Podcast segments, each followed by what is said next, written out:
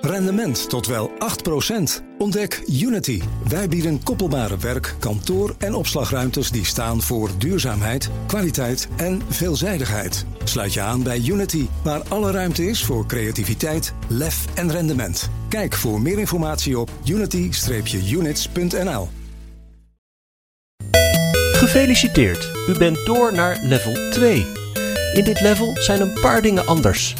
Boekenstein is links geworden en de wijk een optimist. In Boekenstein en de wijk level 2. De zonnigste afleveringen van het afgelopen seizoen met updates van Rob en Arend Jan. Van Europa tot China en economie tot technologie, Boekenstein en de wijk verkennen de contouren van de post-corona wereldorde. Vandaag de wereld van Rutte 4. BNR Nieuwsradio. Boekenstein en de Wijk.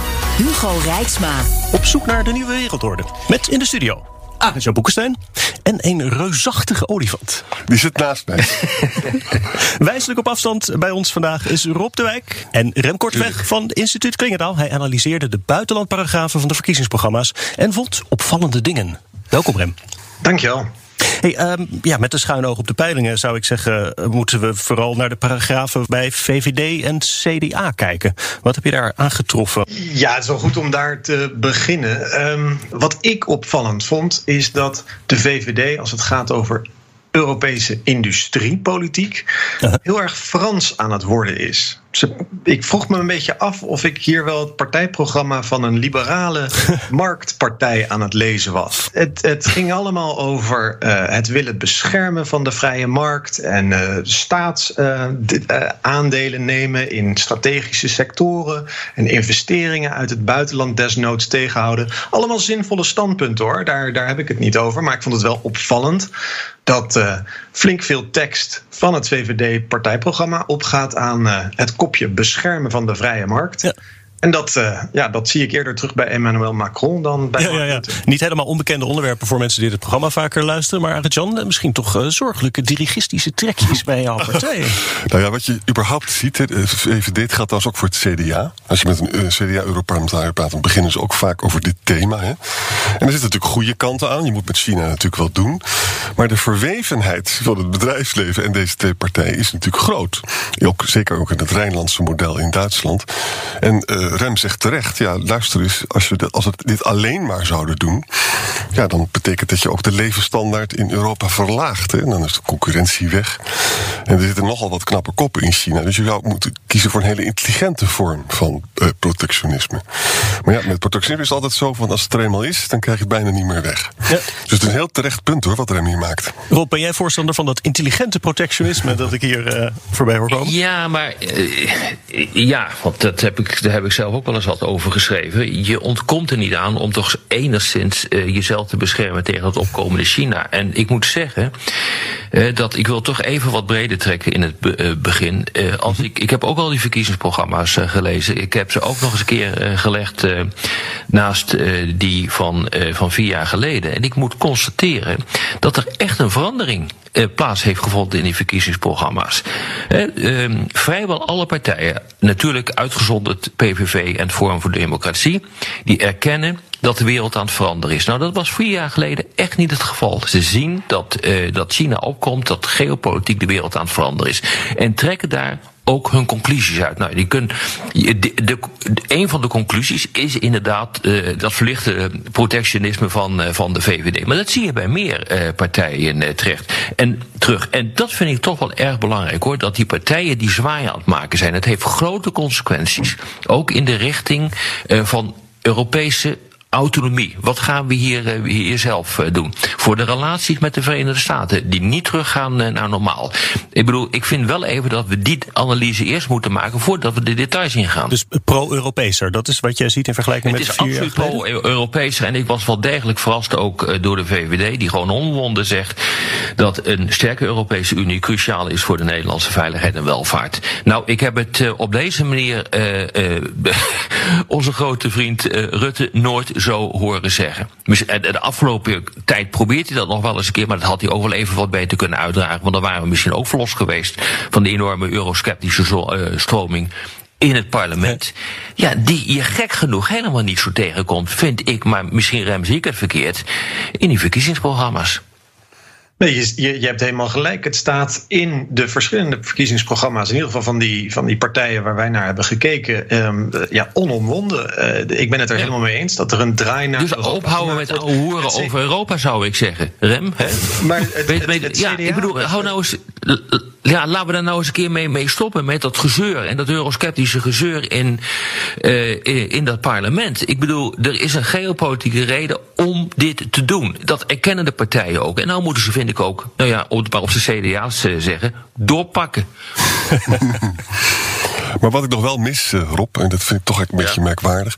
Er is vorig jaar natuurlijk heel wat gebeurd. Hè, met het coronafonds en met de Hansenliga die in elkaar storten. Je zou dus denken dat men partijen ook wat verder denken. Waar gaat eh, de EU naartoe? Waar zit het krachtenveld? En hoe kunnen we daar intelligent op inspelen? En wat ik dan gewoon zie, en dat vind ik echt heel teleurstellend. De VVD heeft gewoon hetzelfde standpunt. Hè? Tot hier en niet verder. En geen eurobonds, dat is ongeveer het verhaal. En geen enkele gedachte nog daar verder bij. Ook bij het CDA is, je merkt heel sterk de euroceptische invloed van uh, Pieter Omzicht. Terwijl we allemaal zien aankomen, daar komen natuurlijk stappen dit jaar of komend jaar door, door Frankrijk en Italië. Misschien wel gesteund door een nieuw Duits kabinet waar de Groenen een grotere rol in gaan spelen.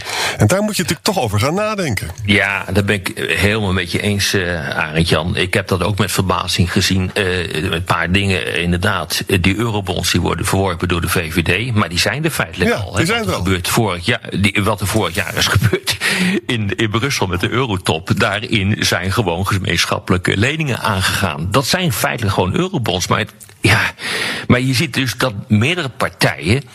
Uh, die, uh, die roepen dit soort uh, dingen. Maar die zijn, die zijn al lang, die zijn al lang geregeld. Bijvoorbeeld D66, die pleit voor Europese belastingen. Maar die zijn vorig jaar ook al geregeld. Dat, nemen, dat heet eigen middelen tegenwoordig. de vraag is alleen, in welke mate wil je dat? Rem, wat vind jij ervan, van die discussie? Nou ja, wat het mij aantoont is dat het wel degelijk kan gaan knetteren binnen een mogelijke volgende coalitie. Dus uh, ja. Rutte en zijn verkiezingsprogramma die zegt heel nadrukkelijk: we moeten um, erkennen dat die, uh, die, die eurobonds of dat corona-herstelfonds dat dat eenmalig is. Ja. Nou, ik kan je nu al vertellen dat is niet hoe de rest van de Europese Unie het ziet. Zo is het. Um, Zo is het. Dat is ook niet hoe volgens mij D66 het, uh, het ziet. En wat je dus kan vaststellen als je die verkiezingsparagrafen over Europa naast elkaar legt, dat de mogelijke coalities die gevormd kunnen worden, bijvoorbeeld VVD plus CDA plus D66, wat ik een hele waarschijnlijke acht, dat ze daar ja. op Europa echt nog wel met elkaar uh, over straat gaan rollen. Ja. Maar, maar, Rem, maar Rem, ja, maar ten, eerste is uh, Rutte, als hij weer premier wordt, natuurlijk gewoon een fixer. Uh, die, gaat, die waait met alle winden mee om ervoor te zorgen dat de coalitie bij elkaar uh, houdt. Ik bedoel, da, daar is hij fenomenaal in, laten we dat nou even erkennen.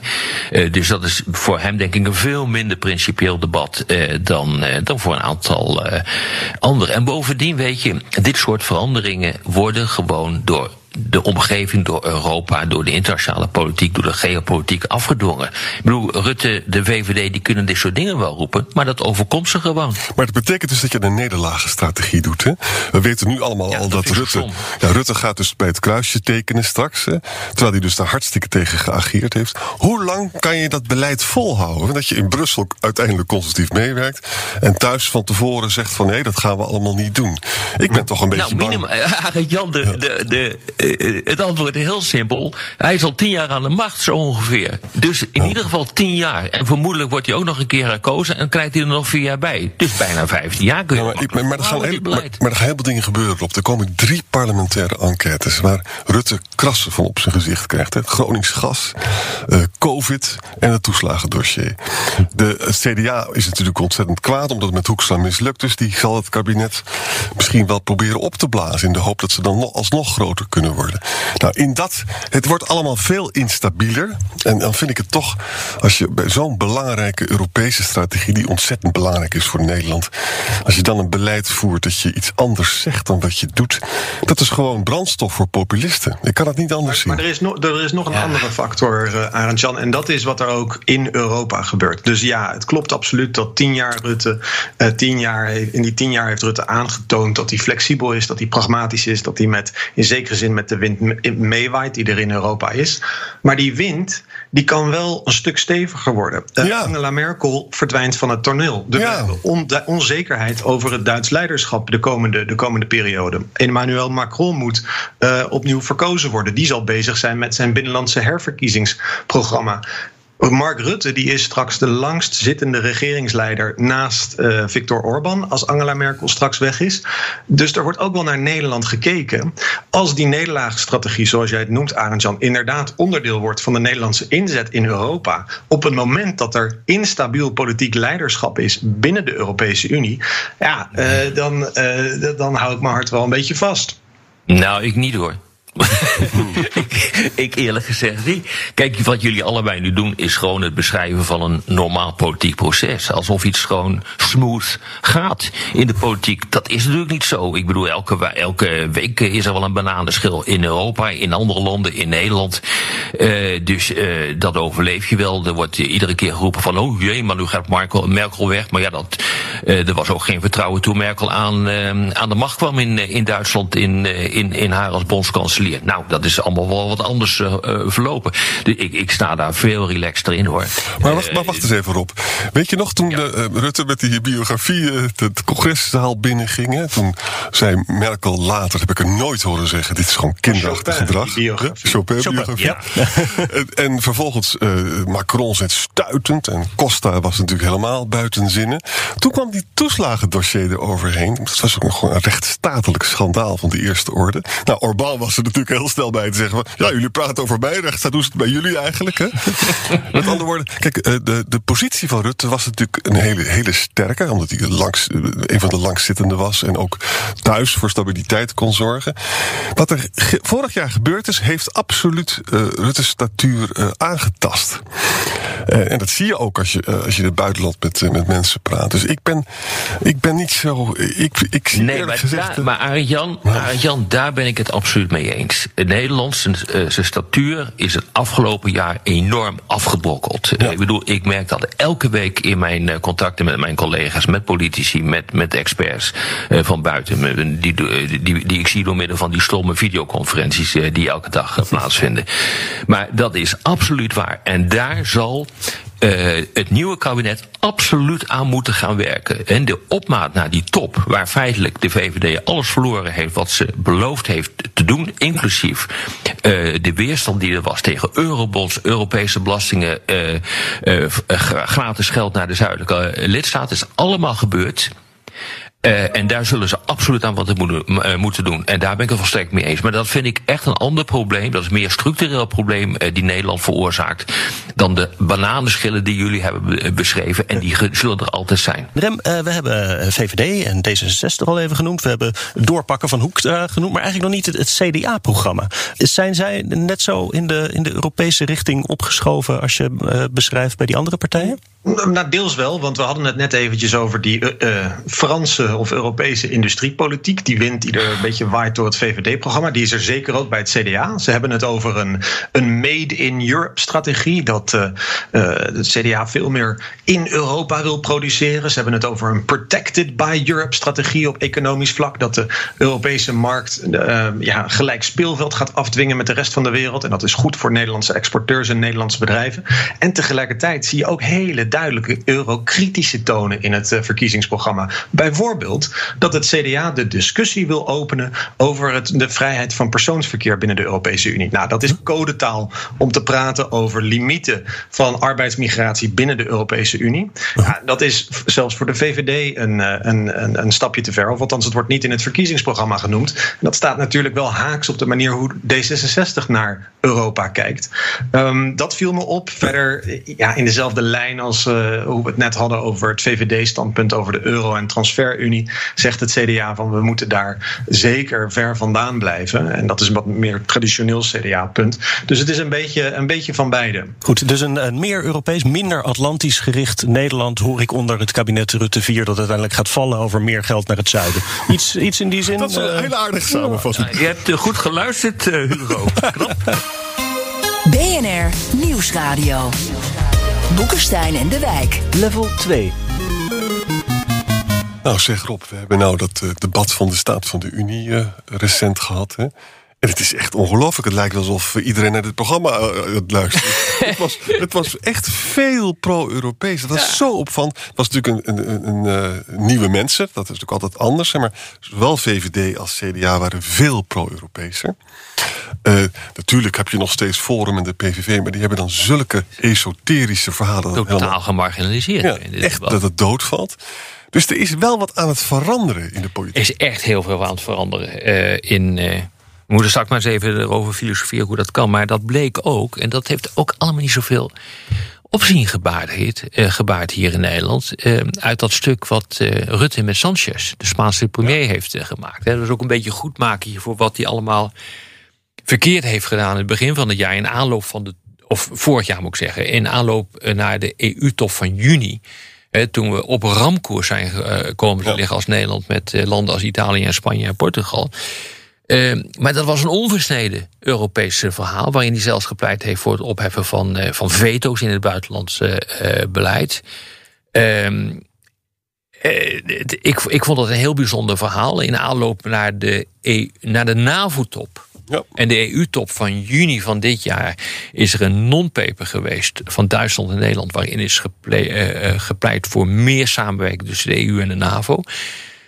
Onder die oppervlakte van al die anti-Europese retoriek, ook in grote delen van de Tweede Kamer, zag je dat bij, bij Rutte de zaak echt aan het veranderen was. En ook bij buitenlandse zaken eh, ja. zie je dat. En er is echt een nieuwe wind aan het waaien. Nou, de volgende vraag is: hoe kan dat nou? Nou, weet je, ik denk dus dat de bestorming van het kapitaal, dat moet toch ook bij uh, rechts, uh, dat ging een beetje te ver. Ik bedoel, je kunt alles verdedigen hoor, maar dat gaat toch wel een beetje ver. Dat je gewoon een, een, een parlement bestormt. En ik denk dus dat het werd allemaal nog. Leon de Winter werd een beetje stiller. Hè? Thierry Boudet gaat natuurlijk gewoon nog steeds mee door. Maar het is zo crazy dat gewoon keurige CDA's en keurige VVD'ers bedacht hebben van Trump, dat is toch niet goed. En dat betekent dat we echt, wat je verder ook van Europa vindt, dan moet je je constructiever in opstellen, want we hebben gewoon tegenmacht. Nodig. Ja, of, of zal het. Ik ben het helemaal met je eens. Hè? Of zou het ook komen een grote geopolitieke verandering? En ook klimaatverandering. Dat mensen nu een keer doorkrijgen van oeps, er is echt wat aan het veranderen. Nou, de, opkomst van China, de dreiging van China betekent dus dat je meer eenheid moet zoeken. Mensen denken van het is heel fijn dat Biden er is, maar het is niet helemaal zeker dat dat beklijft. Dus ja, dan moet je misschien toch wel wat meer gaan samenwerken. Het is niet zo, je hoeft geen Nobelprijswinnaar te zijn om te ontdekken dat Europa sterker zou kunnen zijn Best dan wel belangrijk is. Ja, dat, is, dat is natuurlijk de grap. Maar hoe gaat dit nou verder?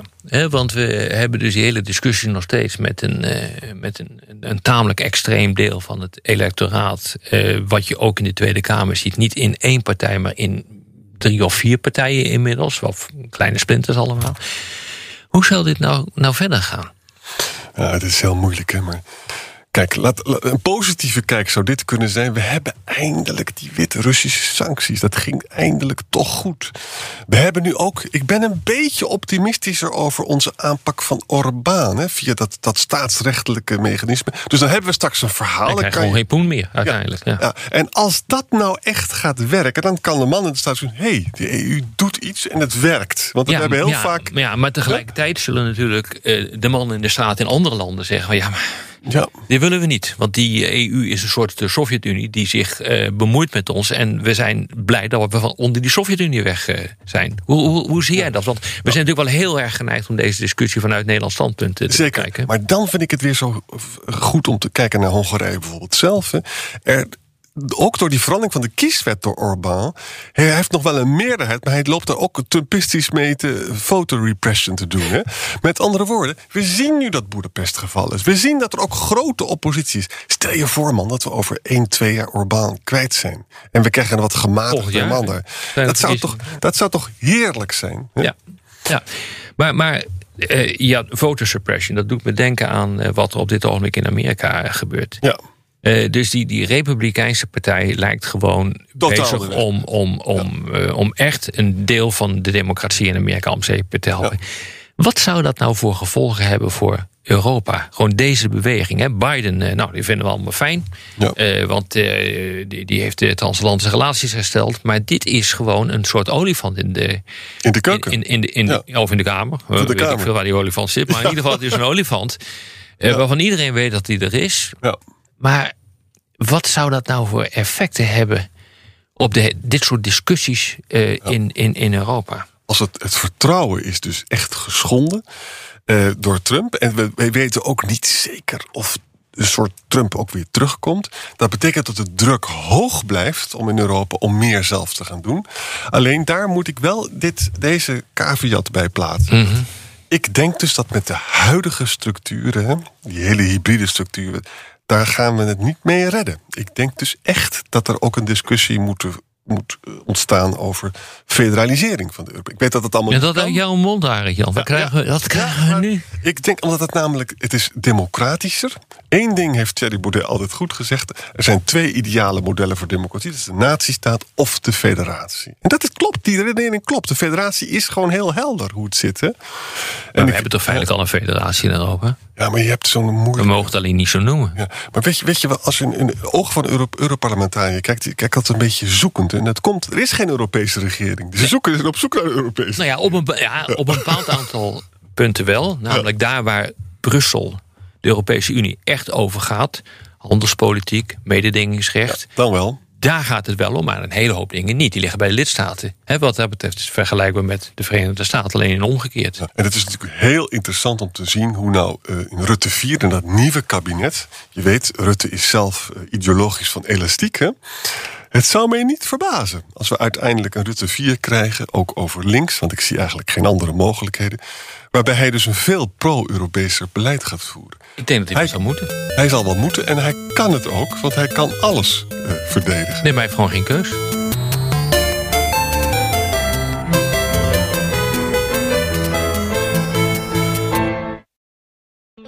Tot wel 8%. Ontdek Unity. Wij bieden koppelbare werk, kantoor en opslagruimtes die staan voor duurzaamheid, kwaliteit en veelzijdigheid. Sluit je aan bij Unity, waar alle ruimte is voor creativiteit, lef en rendement. Kijk voor meer informatie op unity-units.nl.